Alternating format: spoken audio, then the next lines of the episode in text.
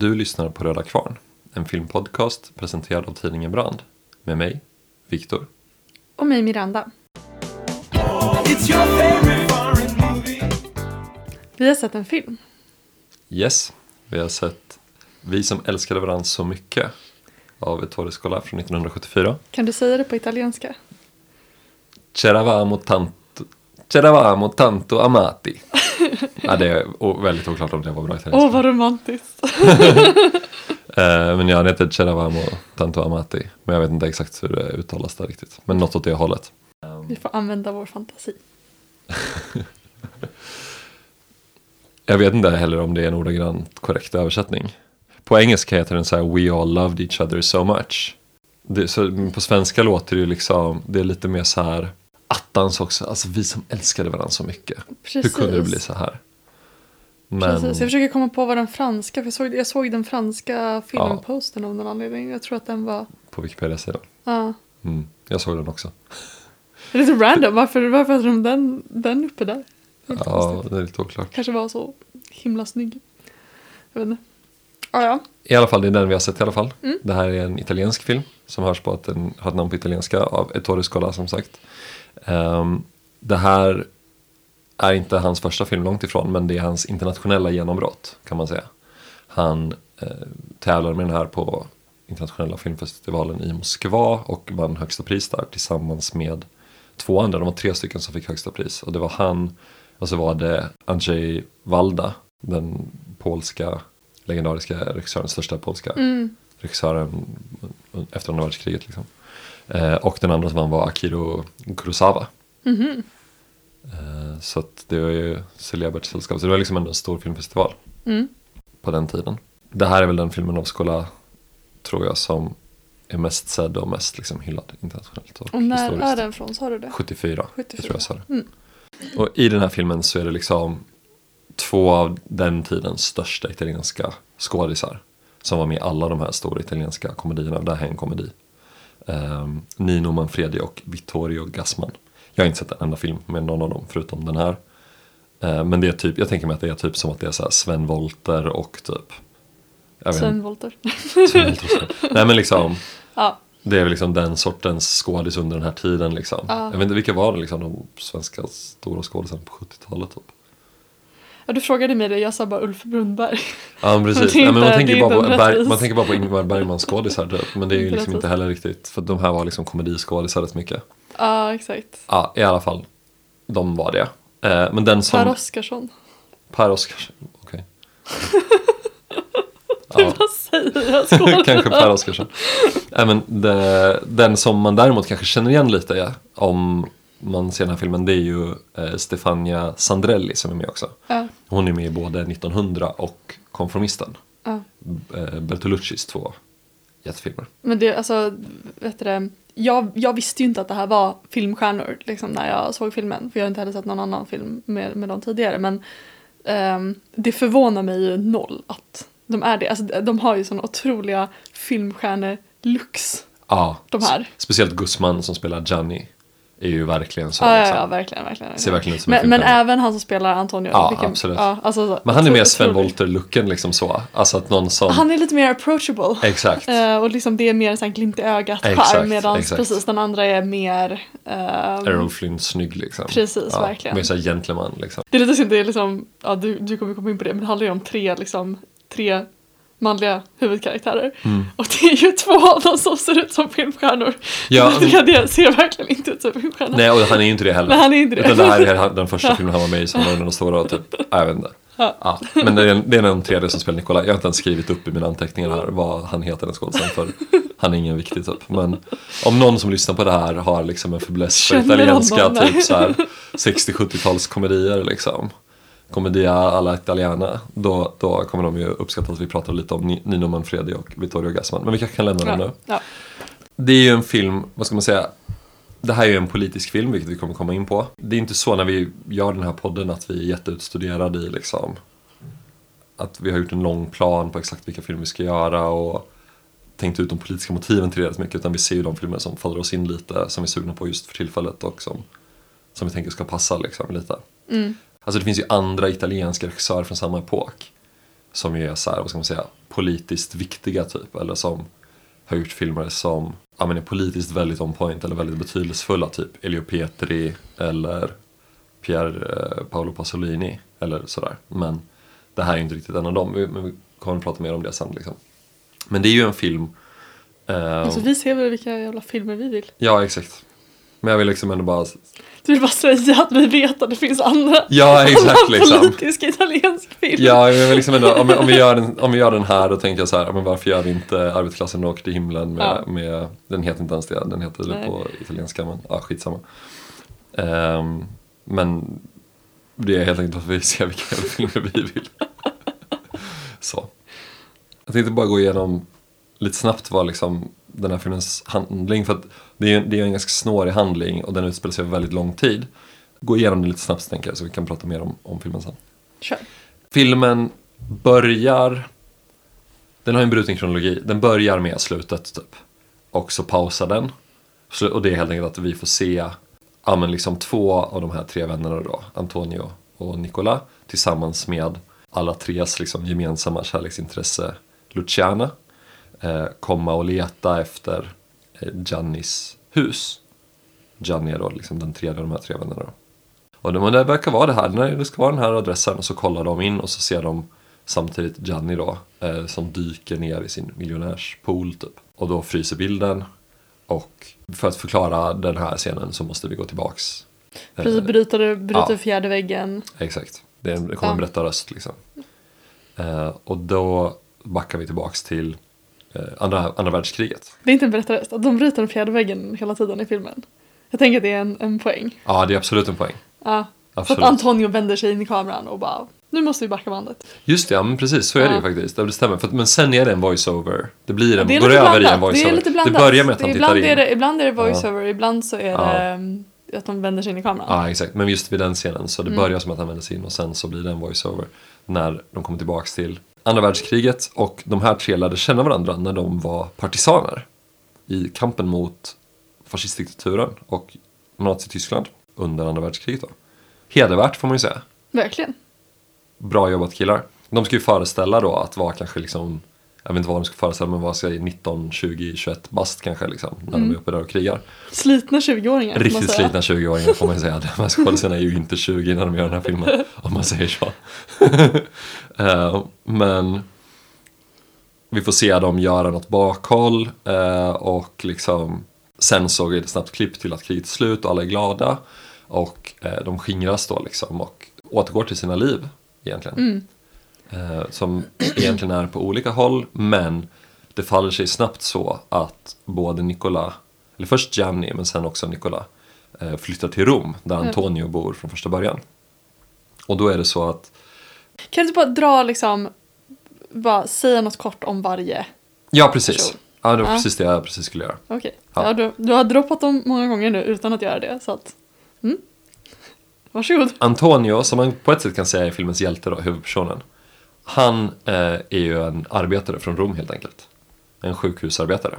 Och Gianni är ju i filmens början då, eller vid den här, alltså efter andra världskriget, han, då har han nyss tagit juristexamen. När han först kommer till Rom då och möter Antonio där. Och eh, Nicolas är en liksom, han, han är lärare egentligen, utbildad lärare men han har ett stort intresse för film och det som händer, det är egentligen lite senare, men det som händer som får honom till Rom det är att han ser Cykeltjuven av Vittorio De Sica. Extremt klassisk film får man säga. Kanske den mest kända italienska filmen genom alla tider. Möjligen. Jag vet inte. Är det det? Ja, nej, av dem. Nej, det är det. Men en av dem. Vilken ja. är den mest kända italienska filmen skulle du säga? Alltså vi kommer ju droppa en del eh, kända italienska filmer i, ju- i den här filmen. Det finns ju många kända italienska filmer, men Cykeltjuven är right up there i alla fall. Det är en väldigt känd film. ja. Jag har inte sett den, men den är säkert bra. Eh, I alla fall, eh, han ser... Mm, Vadå? det. Aha, okej.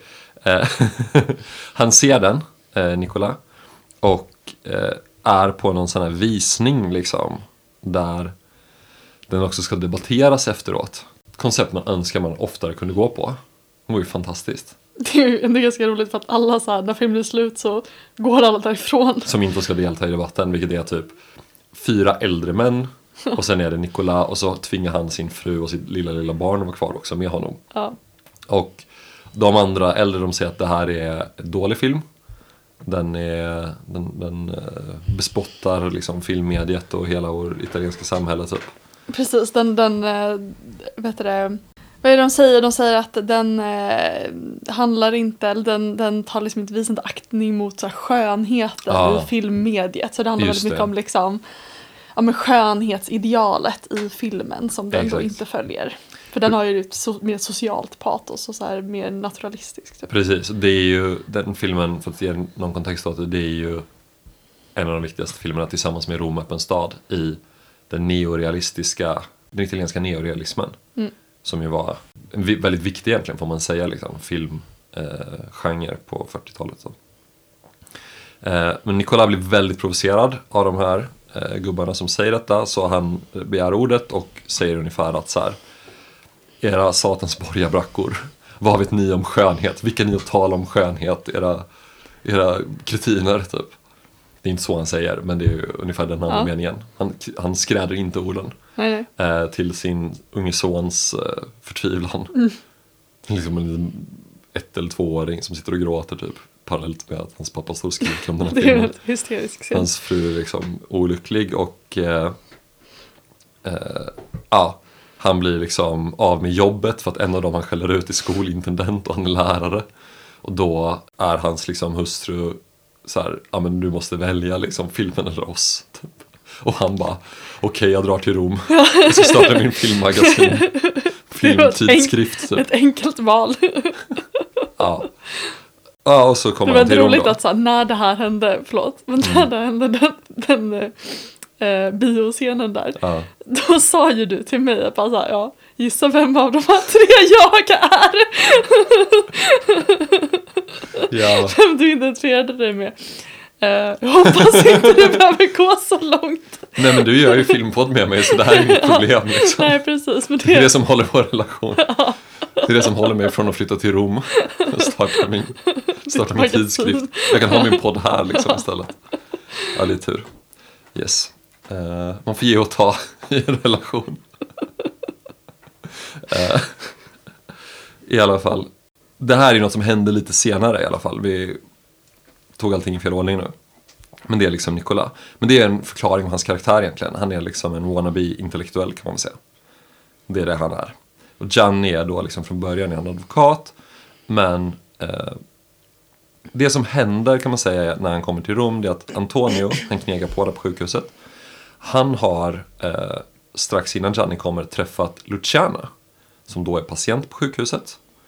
Och eh, han blir ögonblickligen förälskad i henne. Och lyckas charma henne eftersom Antonio är väldigt charmig. Han har liksom bra humor, han är liksom uppmärksam på andra och vill väl, kan man väl säga. Eh, lite attitydproblem ibland, men hjärtat på rätta stället. Och hon är liksom en aspirerande skådis och hon drar med honom och tittar på Strange Interlude av Eugene O'Neill som är en sån här fem timmars, ett så här högmodernistisk konstig pjäs typ från 20-talet. Det är som en gimmick i den pjäsen i verkligheten ju, att de pausar, alla, alla pausar, fryser liksom.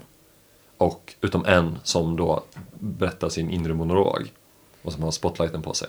Och det här är ju någonting som sen de, de upprepar i, i själva filmen. I filmen, liksom. precis. Ja, exakt. Men gör liksom en sorts parodi på det.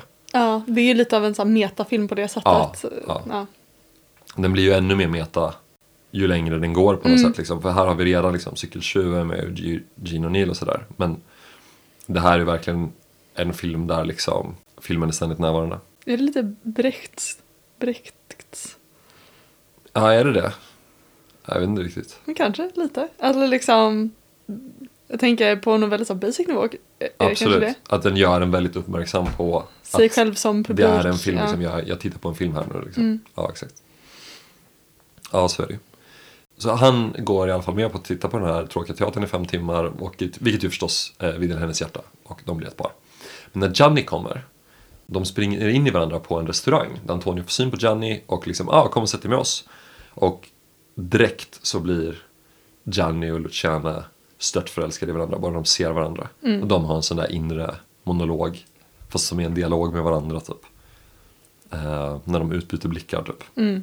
Och eh, det slutar med att eh, det blir en så här uppgörelsescen där eh, Lucian, när Gianni kommer och berättar för Antonio att, att han och Luciano är ett par och att, att eh, tyvärr måste vår vänskap sluta på det här sättet. Och jag är hemskt ledsen för det men ja, så är det. Och Antonio tar det först ganska bra men sen efter ett tag så varva, jagar han upp sig och springer ut och börjar slåss lite med Gianni. Och sen så mm, skiljs de som ovänner då.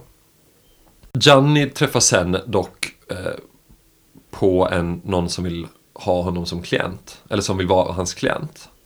Som är en affärsman som ser ut lite som Jabba the Hutt.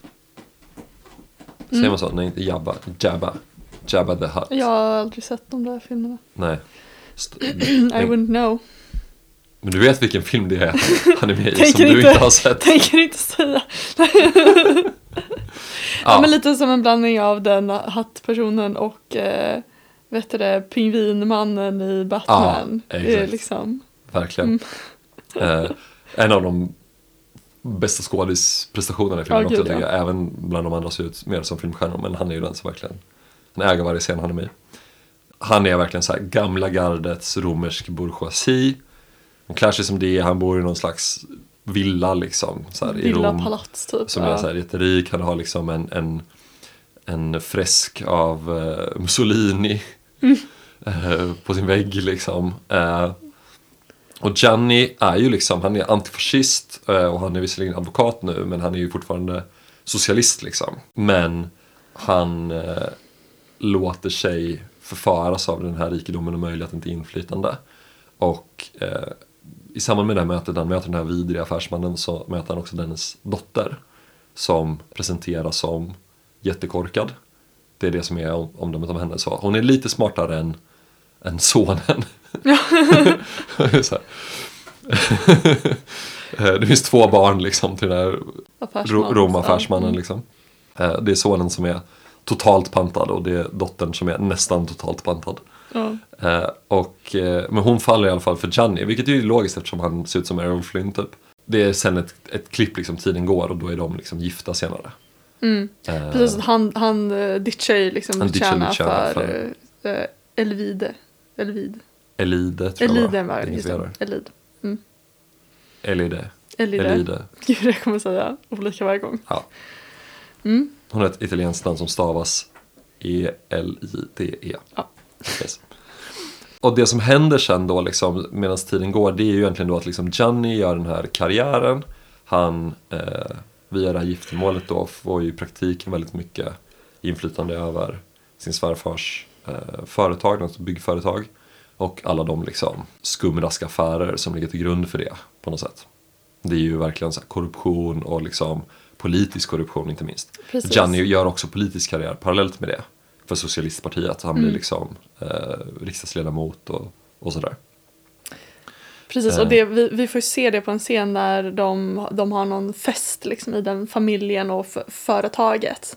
Eh, och eh, där men den här affärsmannen, Mussolini-pappan, eh, han liksom typ pratar om så här, alltså han typ att, att han behövde en advokat från första början det var ju typ att två arbetare hade dött liksom Ja, eh, i en eh, eh, så, men, arbetsolycka på hans byggarbetsplats liksom. ja, Några år senare då så liksom håller han på att göra om så här, ja men bara typ hemskheter och hur han ska betala sig till olika byggkontrakt och sådär. Och bara, det ska du hjälpa mig med Janni, eller hur? Och Janni är så här bara, eh, nu hörde inte jag riktigt vad du sa. Mm, Eh, hej då. Och så liksom glider därifrån och så säger den här Mussolini-pappan något i stil med att så här, ja han är ju, han är he's a lefty. ja, Eh, Men han är ju bra, han, eh, han räddade bolaget från ditt stora misstag min son. Och så får man se den där urpantade sonen ja, som då har gjort någon så här han har typ gjort någon affär där han har missat antalet nollor på fakturan. Alltså det är något Ja. helt sjukt liksom. Ja. Men det som Gianni har gjort då det är att han har här fått honom omyndigförklarad. det är liksom hans advokatsgrepp där han har fått sonen omyndigförklarad på grund av liksom, jag vet inte, dumhet och galenskap. ja, Så han, han kunde liksom rädda företaget från den här katastrofala affären. yes. Ja. Eh, Mm. Det var bara så här, hans strategi liksom, Ja. tycker jag bara är så talande i det. Att han bara glider undan och bara, nu hörde inte jag dig riktigt. Nej, exakt. Eh, och det är verkligen, vad ska man säga, det är ju verkligen väldigt tydligt i många andra scener liksom, att han vet exakt vad han gör. Och det finns ju en scen där han också hotar, eh, hotar den här gubben. Mm. Eh, med att också omyndigförklara honom liksom, om han inte låter honom göra som han vill med företaget Mm. och, och så vidare. Det som händer för Antonios del och sin sida det är att han knegar ju på där på sjukhuset. Han är liksom en sjukhusarbetare och han blir ständigt så här nedflyttad i hierarkin för att han ställer till problem. Typ. Så han Han slår, slår en nunna. vid ett tillfälle. Så här, ja men det var hon som började. Det var liksom en politisk konflikt typ så här. Men så finns det någon annan nunna, nästa, nästa gång liksom så är det en annan nunna som har hjälpt honom på något sätt liksom. Ja. Hon är så här en vänsternunna. Typ. Alltså, det, är liksom, det är olika sådana grejer. Men det är mycket att han hamnar i olika trubbel för att han liksom inte kan låta bli att stå upp för rättvisan liksom, på något sätt. Så Han är verkligen den här aktivistarbetaren liksom, så, som eh, är väldigt eh, På. väldigt på och liksom inte kan, kan hjälpa sig själv på något sätt liksom, Mm. för att det är bara inte hans stil. Och han håller sig ju, han, även han blir äldre så håller han sig ju i kontakt med liksom yngre aktivister. Så när det, när det spolar fram till 60-tal så småningom så ser vi honom med verkligen så här, sin nya så här, motkultursflickvän typ. Och Nicola å sin sida, han, det finns inte så mycket att säga om honom. Liksom. Han, han harvar på och ingen bryr sig i princip.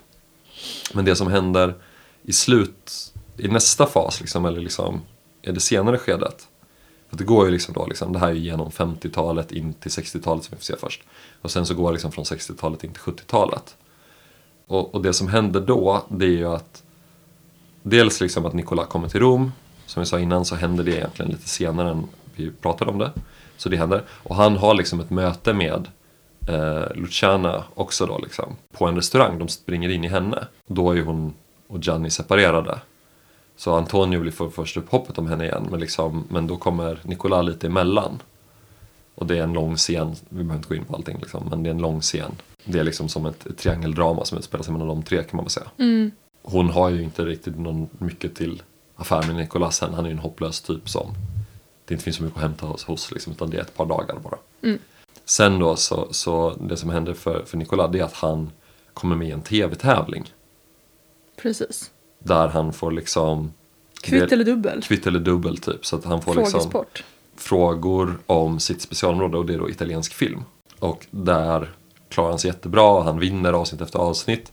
Och eh, kanske kan han till slut ta sin fru och son till Rom. Några år senare. Alltså det är ju typ så här sju år senare, åtta, nio år senare Ja. eller något sånt där liksom som de ska föreställa sig. Det är ju, ja. Precis, men han gör ju succé i det här programmet och liksom Ja. har ju redan massor med pengar liksom som han skulle kunna Ja. walk away med. Men och ringer sin fru och bara typ alla följer honom på tv Ja. liksom. Och hon är så här ta mig härifrån. Vi kommer Ja. till dig, allt är förlåtet. ja. ja. Men han satsar kvitt eller dubbelt och förlorar för att han ger ett lite så här för, för rätt svar på en fråga om just cykeltjuven av Vittorio De Sica som i den här filmen han bråkar om tidigare. Han får en fråga som eh, hänvisar till, där de använder liksom skådespelarnas riktiga namn. Ja, Och liksom hänvisar till så att en, en pojke då börjar grina i, se, i, Ja.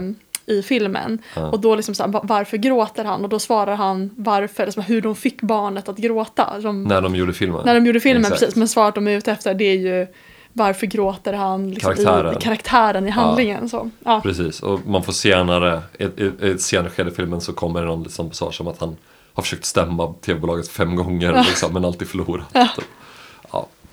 Så han harvar på eh, och det går inget bra för honom kan man säga. Nu attackerar min katt din fot. Gör det. Och det som händer sen då i stora drag är att Antonio eh, och Luciana möts igen.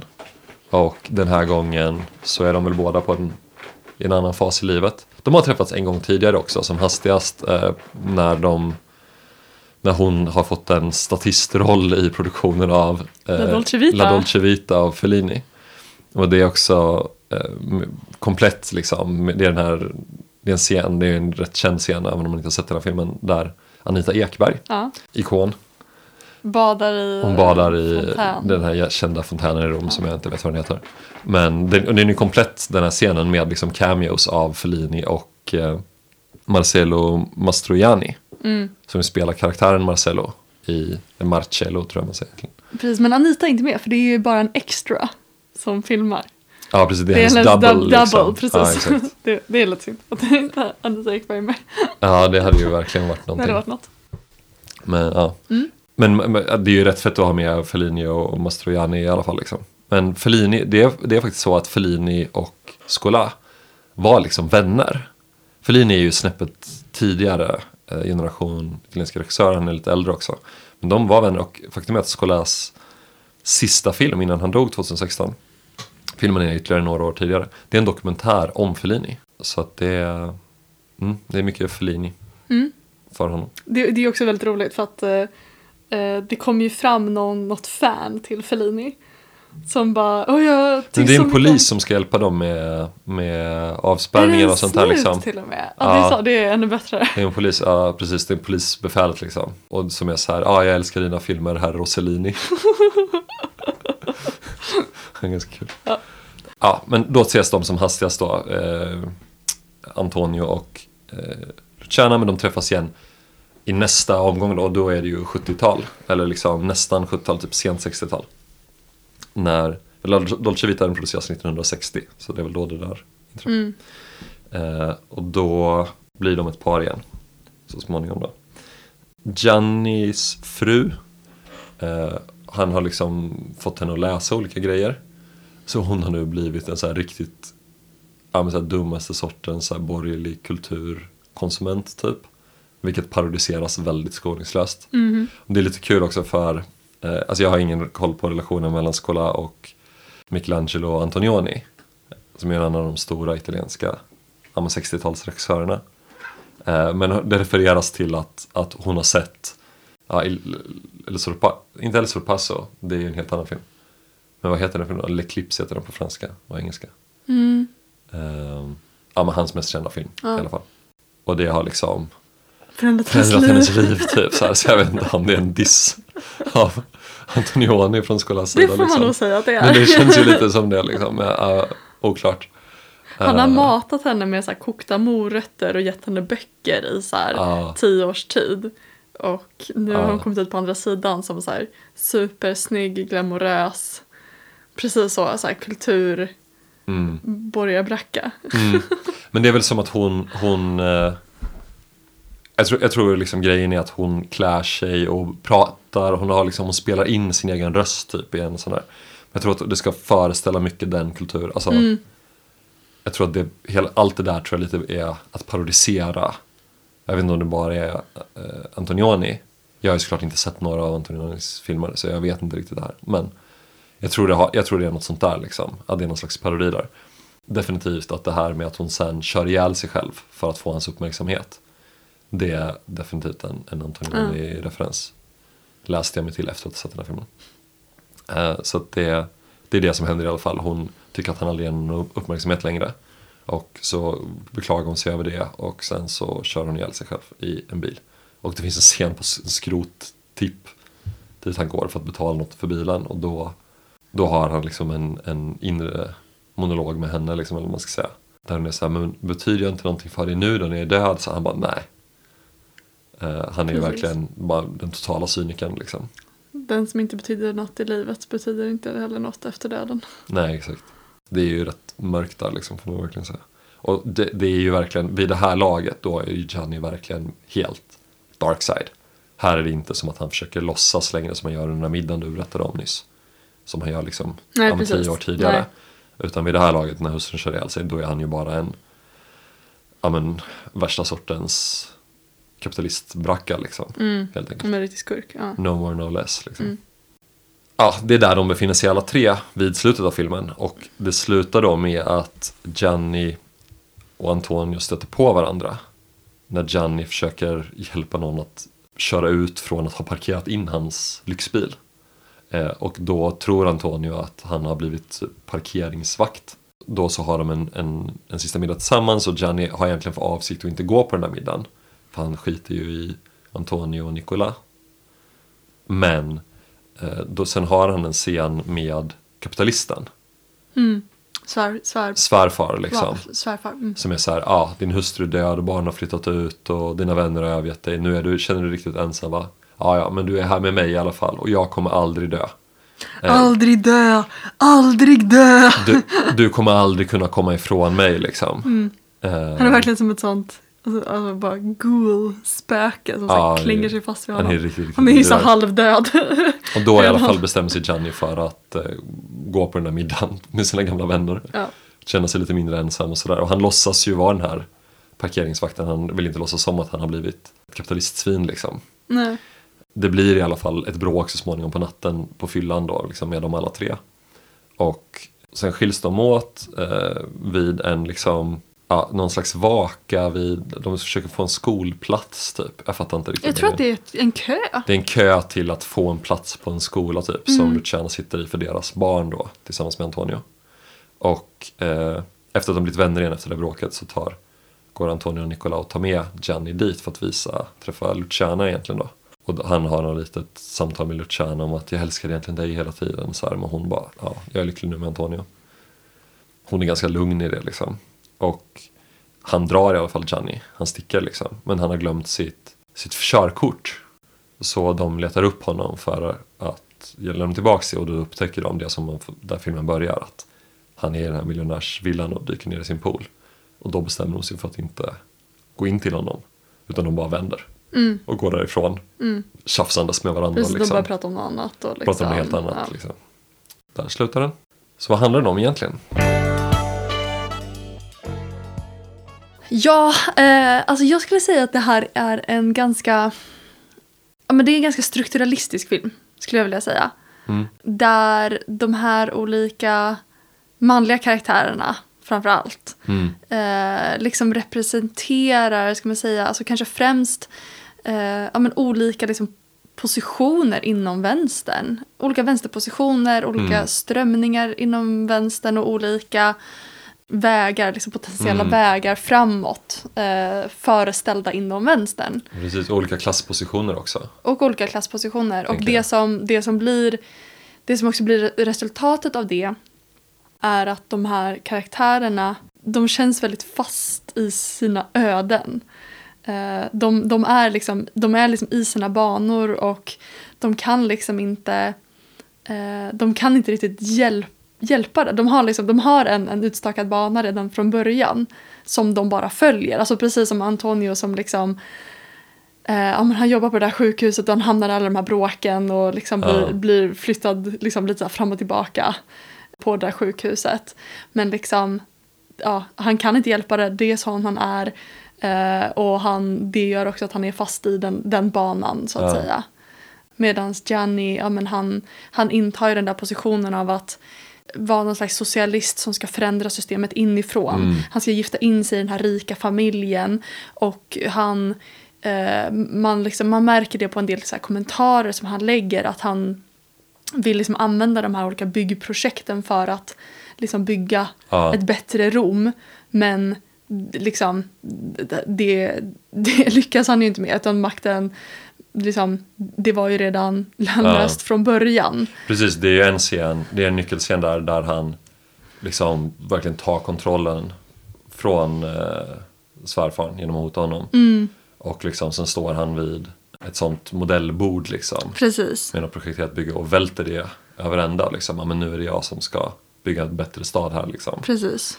Eh, men det kan man kontrastera mot den här scenen där han är på slutet med ensam kvar med, med den gamle svärfaren. Ja, Och är så här, du kommer aldrig komma ifrån mig. nej. Det är ju verkligen en man säga, väldigt symboliskt mättad Mm, replik. Liksom. Det handlar ju inte om den specifika karaktären utan det är ju verkligen så här kapitalet som talar egentligen. Liksom. mm, Och liksom den gamla italienska bourgeoisien. Liksom. precis. Ja. Som han ju har allierat sig med och då är Ja. det bara en bana som gäller när man har, val, när man har gjort det valet. Liksom. exakt. Så att eh, jag skulle säga att det är en väldigt så eh, ödesmättad film. Ja, men I en verkligen. väldigt ordagrann betydelse. verkligen. Eh, Nikolaj är det ju verkligen så för. Ja, Med han liksom kan inte hjälpa sig själv där. Liksom, när filmen kommer och sen sitter han och havererar på med sina meningslösa skriverier som ingen vill publicera. Om film liksom. mm, Man kommer ju ingen vart med det någonsin egentligen. Liksom, och det, nej. ja, men i slutändan ingen bryr sig. Mm, Ja men precis. Så att de här karaktärerna, alltså de blir ju också väldigt, de är ju verkligen typer. Alltså Mm. det, det är taskigt att säga att de är stereotyper kanske, men de är verkligen typer. Och jag, jag tänkte på, det skulle vara väldigt lätt att konstruera sånt här personlighetstest efter den här filmen. Att så här, vem är du? Och liksom, jag blir nästan sugen på att Ja. göra ett sånt för Brand. Eller så här, där de just kan så här, de, de kan både så här, motsvara olika positioner så här, inom vänstern men också väldigt Ja. tydliga personlighetsdrag. Men alla är väldigt ehm, Precis. Och alla vill ju vara Antonio då. kompromisslösa. Men jag tänker ju att jag, jag tyvärr är Nicola. Ja, Nej, jag tror jag är Antonio. Jag vet inte. vi får göra ett, jag, jag kan du, du konstruera ett, jag kan konstruera ett test som Så du jag får tror ta. vi måste göra det så jag får svar på den här frågan. Liksom. För att så här, när jag sitter här och gör min filmpodd då, då känner jag mig lite som Nicola. Det måste jag erkänna. Ja. Det känns- det båda, känns lite ingen sådär. av oss kanske kommer ur den. Det är vårt öde. Det är vårt vi kan inte hjälpa det. Vårt Du budskap du- från vår filmpodd, vårt viktiga budskap som vi måste få ut där i alla fall. Exakt, liksom, men du är samtidigt vårdarbetare. Så du, om du, du får börja slåss med någon kollega Ja, på ditt jobb. Nej. Åh herregud. Ja. O- Om ni lyssnar, kära kollegor, så, så är det här bara ett skämt. Det verkar inte som att någon av oss är Jenny i alla fall. Nej, precis. Jag, jag, jag tänker på en gemensam bekant som jag tänker det här författiga. Åh, gud vad spännande. Men eh, Kan du inte mima vem det är? om den lyssnar så, så kanske den känner igen sig själv. Mima vem det är. Ja, absolut. Ja, Ehm. Mm. Nej men det är intressant det du säger också här om, om just deras olika positioner för att det är också på något sätt det blir lite en recension av de där positionerna också, den här filmen tänker jag. Och eh, den är ju väldigt avförande på det sättet mot den liksom intellektuella vänstern, eller wannabe-intellektuella vänstern, som är just så intresserar sig för estetiska frågor och kulturfrågor i första hand och liksom säger till den att säga, ja men det är ingen utanför er lilla krets som bryr sig om det här. Och det gäller ju på ett Nej, sätt och att... jag tycker också att det som han gör, att han så överger fru och barn, alltså det görs Ja. ju ett väldigt stort nummer av det Ja. och liksom det är ju någonting som han själv eh, liksom lider, alltså har väldigt stora samvetskval Ja, för, men just det här, han kan liksom inte, han kan, han, han, han, vet inte vad han ska göra åt det. Att han har lämnat fru och barn liksom. Okej, men vad, vad tänker du om det? Att det görs ett så stort nummer av att Nicola lämnar fru och barn där uppe? Alltså dels så det är ju det är en ganska konservativ, så här familjekonservativ film. Ja. Eh, så att det är liksom, det, det, det väl bara markeras att det är dåligt. Men jag tänker att man väl också kan se det som att han är väldigt, eh, ja men att för honom så är liksom kampen väldigt idealistisk och den är frikopplad från ja men riktiga relationer med riktiga människor och att verkligen så här eh, ja men att vara viktig för någon, att vara pålitlig för någon. Alltså Mm, för honom så är liksom det politiska eh, det är någonting just så här högre mm, eh, och mer så essentialistiskt. exakt. Som Det- inte har att göra med att typ ta hand om sitt barn. Nej, exakt, utan det är att, så här, att, att säga sanningen i skolintendentens Ja, ansikte om den här filmen på Om den meningslösa filmen, debatten ja. som ingen var på. Exakt. Det är Och det, typ det, det, är det det handlar om. Ja. ja, exakt. Och för Gianni då, då är det också mer så här, alltså då är det politiken bara så här ett maktspel. Mm. Att så här, ja men jag kan förföra den här kvinnan jag inte älskar för att komma åt hennes pappas pengar för att jag ska kunna använda dem i de här syftena liksom. Mm. Kan man väl säga liksom, att det är liksom någon, någon slags rent spel där liksom. Att liksom genom lögner och bedrägerier åt alla olika håll Mm. på något sätt ta sig själv till makten. Mm. Och där får vi väl se liksom hur den strategin eh, ja, men fallerar på att så här, ja, men när du stirrar in i avgrunden så stirrar den också in i dig. Mm. Att han blir ju det han ville bekämpa från början. Och frågan man ställer sig är ju, ville han verkligen bekämpa det? Eller var det med att han hade vissa påser? Eh, men egentligen så var han förblindad av den makten redan från första början. Precis. Och medan Nikolaj ju blir väldigt ensam. Ja, Det är ju något som blir väldigt tydligt i hans, i hans eh, de- den karaktärens liksom progression. Att exakt. han blir bara mer och mer ensam och även om han sen lyckas liksom hanka sig fram som någon slags skribent så han, han säger också någonting om det att så här, jag ville förändra världen men världen förändrade mig. Ja, exakt. Men egentligen så har ju ingen av dem kanske förändrats. Utan de är liksom på ett sätt där de började allihopa. Ja precis, absolut. Ja. Men man kan, man kan ändå se hur, hur han kände Ja, så. absolut. absolut. Mm. Men jag tänker att eh, det här med Antonios roll blir ju på något sätt ja, men hjälteperspektivet ändå, liksom enligt skolan. Att så här, nej, men, det är ju den, den kämpande arbetaren. Mm. Det är ju det som på något sätt är eh, det som är värt någonting i, i vänstern. Ja, visst. jag. Eh, Ja, och han börjar ju liksom bråka med högernunnan som Ja. sig på honom. Eh, Men han står ju också upp för sina vänner och liksom Ja. hamnar i slagsmål och sen ska han liksom, sen tar Luciana en överdos och då ska han vårda henne och liksom Ja. han kastar sig väldigt mycket fram och tillbaka mellan alltså olika väldigt så direkta relationer men Ja. precis det är verkligen det som, som är hjälteperspektivet. Ja, och jag tänker att det är intressant. Det finns i den här scenen när de har sin återföreningsmiddag där på slutet. Alla de här tre vännerna då liksom. Då blir det till slut så att det är Antonio och Nicolas som ryker ihop. Och Gianni ska liksom gå emellan dem och då skriker han så här men Men jag är ju rik. Slå mig. Varför bråkar ni alltid med varandra? Det borde vara, det borde vara mig ni bråkar med. Liksom. Jag tänker att där är ju verkligen filmens politiska budskap på något sätt. Liksom. Ja. Eh, sammanfattat kärnfullt att det är liksom så här, vad ska man säga, eh, den, den intellektuella vänstern och den liksom mer organiseringsinriktade eller liksom, eh, vad ska man säga, klassnära vänstern som, som håller på att tjafsa med varandra när de egentligen borde enas mot liksom, jag vet inte riktigt om det är kapitalet han menar då eller om det är liksom politikerklassen eller bägge delarna kanske liksom och hur de just har flutit ihop vid det laget liksom. Ja, jag tror det. Där ju både socialistpartiet har liksom suttit i regeringen i flera omgångar. Innan dess så, kommunisterna hålls ju utanför hela tiden i Italien. Men jag tror det är för socialistpartiet han sitter om jag fattar rätt. Precis filmen. för att eh, Nikolaj är medlem i kommunistpartiet. Ja, exakt. Men Gianni är med i socialistpartiet. Mm.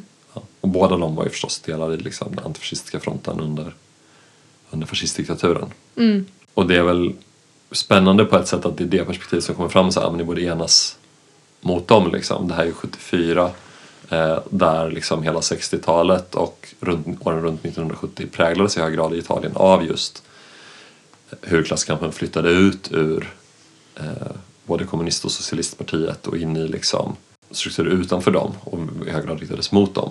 Om man är intresserad av att höra mer om det kan man lyssna på en annan brandpodd, Den gyllene horden, som handlar bara om det egentligen. Just det. Men det är ju inte det som den här filmen handlar så mycket om egentligen. Det får vi inte se skildrat i filmen riktigt. Utan det är mer som något de säger där liksom. Mm. Jag tänker också att så här, titeln på något sätt och det här med hur de bråkar med varandra. Det är ju saker som jag tänker uppenbarligen hänger ihop så här, men vi som älskar varandra så mycket. Men sen så bråkar de ändå i slutet med varandra. Men Gianni säger till och med så här, men ni borde kanske liksom till och med bråka med mig. Det är ju på något sätt så tänker jag att det den här filmen visar och jag tänker att det det är lite samma sak, det knyter an lite till en annan podd vi gjorde om eh, det irländska frihetskriget. Eh, Frihetens pris av Ken Loach Just det. som man kan lyssna på om man vill det. Eh, att så här, en sak är ju att Det bekämpa susar i säven höll jag på att säga, det är inte det den heter. The Wind That Shakes the Barley. Säven. Det är också en bra film. Är det en film en tv-serie? Det. Kanske en tv-serie. Ehm. Nej men att så här, man står enade där i kampen mot den uppenbara fienden, så den brittiska kolonialmakten eller liksom fascistdiktaturen. Men vad gör du sen när Precis. dagen efter liksom, när kriget är vunnet? Visst. Och det där är Det är ju... lätt att veta vad man är emot men vad är man för? Exakt. Sen så känns det lite konstigt att prata om filmen utan att liksom... Och, och att bara så prata runt Luciana. Mm. För det är ju en liksom... Om man, om man säger att de här, de här tre männen, liksom, de tre musketörerna, hänvisar de ju Mm. till varandra liksom, eh, som eh, vid, vid något tillfälle. De, de utgör de här ganska tydliga, tydliga positionerna och typerna. Luciana, hon är ju hon är liksom en kvinna som så här, ja, men bollas lite mellan dem. Och hon porträtteras ju också som, alltså hon är ju en eh, liksom anorektisk missbrukare som liksom f- faller i knät på var och en av dem vid olika tillfällen. Alltså först när hon träffar Antonio så är ju det för att hon typ har svultit sig och kollapsat. Och då får hon komma till sjukhuset och där typ matar han henne med pasta. Eh, vilket ju är så här också väldigt bra Ja. knep för att få en kvinna på fall. men ehm, men och liksom då blir, då blir hon kär i honom och sådär. Ja i och för sig så här, Gianni är väl inte en av de som riktigt så här, plockar upp henne för då är hon ju liksom ihop med Antonio. Men sen så hon, hon tar en överdos typ antingen när hon är tillsammans med Nicola eller typ precis efteråt eller så. Det är i alla fall liksom det är ju honom han, hon pratar om när hon ja, men är i liksom efterdaningen av det liksom. Eh, Överdos, nej Gianni menar du? Nej. Jo, för det är ju Nicola. för att eh, Gianni, hon tar den där överdosen för att Gianni lämnar henne Nej. och gifter sig. Nej. Jo, det lämnas ett meddelande från Nicola till Gianni om att så här, hon har tagit en överdos. Ja. Och han kommer dit, men... Precis men då, då har ju hon, utan fast då har ju hon haft ihop det med Nicola. Ja, exakt. Och då, eh, det är men, men, liksom- och Nicola meddelar Gianni det. Så Nicola meddelar ju det. Ja. Bara, men hallå typ hon, hon är på det här stället, hon mår skitdåligt, hon har tagit en. Eh, men, och då är det så en grej att han inte, alltså Gianni kommer inte. Nej. Han dyker aldrig upp. Men alltså hon tar väl den där överdosen för att hon har blivit, hon har ju liksom fuckat upp det med Antonio. Mm. Som hon ju, alltså hon fattar att det är ett misstag Mm. redan då. Och sen så har hon blivit lämnad av Gianni och sen så har hon strulat runt med Nicola som ju bara är så här en pajas Ja. karaktär och hon är så här bara men herregud. Vart mitt liv på väg och ta en överdos. ja, exakt. Och sen så när, när eh, Antonio träffar henne på den här filminspelningen då är ju hon igen typ ganska så alkad och så här, har ju någon slags eh, pimp Ja. manager figur liksom som Antonio börjar slåss med. Ja. Ehm, men så att alltså jag vet inte, det, det är ju det är mycket så som hon är och sen så är det hon som söker, söker upp eller i alla fall liksom pursue Antonio på slutet och är, så här, är ju mer bestämd över att hon vill ha honom så att det är inte som att hon är helt utan handlingskraft eller så. Nej. Verkligen inte. Men det är ändå så här, den här ganska så utsatta positionen och där hon bollas mellan de här männen som så här typ vissa utnyttjar henne, typ Nicola, men och andra försöker hjälpa henne. Typ Ja. Antonio.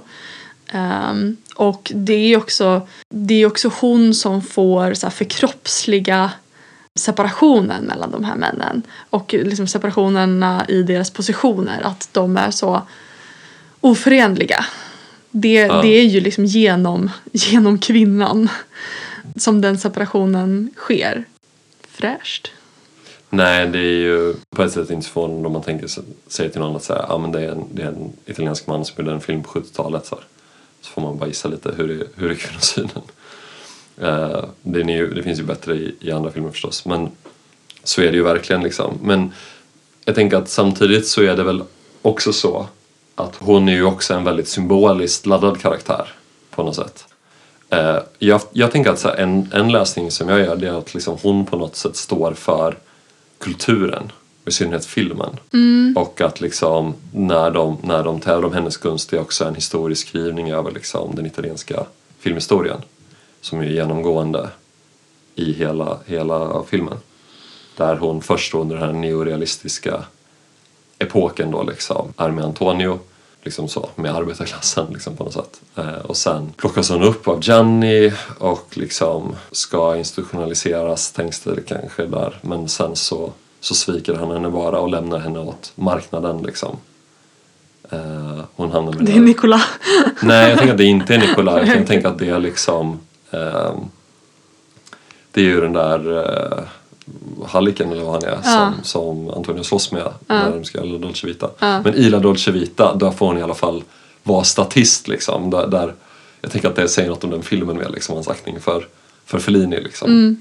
Eh, men att jag tänker att det finns någon slags sån syn på det. Och där Ja, och strular sen- hon lite med den intellektuella vänstern och de kanske gör, alltså det Ja men precis står för att men- sen så när hon träffar Antonio sen på slutet Ja. då jobbar ju hon på en biograf. Ja, exakt. Hon är en sån alltså typ biljett liksom, ja, men typ säljer, säljer biljetter Ja. och också visar folk till, till sina platser. Ja. Så att, eh, ja men det kanske är så att hon har, hon har liksom, då har hon tagit ett så här arbetaryrke i kulturen. Ja, exakt. Och det är, precis, och det, det är ju hennes genomgående funktion liksom också utöver det här med att liksom bara ha ihop det med de här olika karaktärerna. Det är ju att hela tiden ta dem på pjäser, ta dem till filminspelningar. Alltså det är ju... Ja, och det är ju genom hennes så kulturella interventioner som filmen, som den här filmen får sitt språk. Ja, Jag tänker just på det här som, som du tog upp tidigare, att de går på den här pjäsen ja, där de använder det här greppet av att liksom frysa och liksom tala ut den inre monologen. Det är ju sen ett grepp som återkommer i filmen. De kan kommunicera till varandra på det Ja, sättet. exakt. Det är liksom ett språk som hon ger dem alla. ja exakt. Exakt. Om de står för de här olika liksom klassegmenten eller liksom politiska strömningarna och sådär. Då står ju hon mer för liksom kulturen och hur kampen om henne är på något sätt kampen om, om kulturen eller kampen om, om, om filmen i synnerhet. Tänka liksom, vem är det som bestämmer vad det är som görs liksom så på något sätt. Mm, ja, kanske. Eh, och där just hur det slutar i att så här, ja, men de vänder Gianni ryggen och går därifrån tillsammans liksom. Hon är biografmaskinist nu, Antonio men Nikolaj också med och de är vänner och bra på samtidigt. Det kan ju också tolkas som att någon slags, eh, ja men vi som gör film nu då 1974, vi, vi vänder ryggen åt eh, den här liksom korrupta filmindustrin och nu ska vi bra. Och det gjordes ju väldigt mycket radikal film i Italien under den här tiden. Alltså väldigt mycket. Det var ju verkligen så liksom. Eh, och den här filmen är inte någon av de mer radikala som, som vi var inne på. Där i början liksom.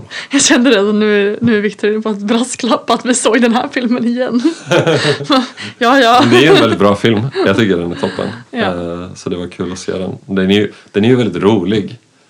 Eh, vi har ju Precis, upp det här- några grejer av det liksom. Men den är ju, den Det är är ju ju- väldigt rolig. Den är väldigt rolig Ja. och den blandar ju verkligen de här ja, men så intellektuella poängerna med ren slapstick-humor. Ja, verkligen.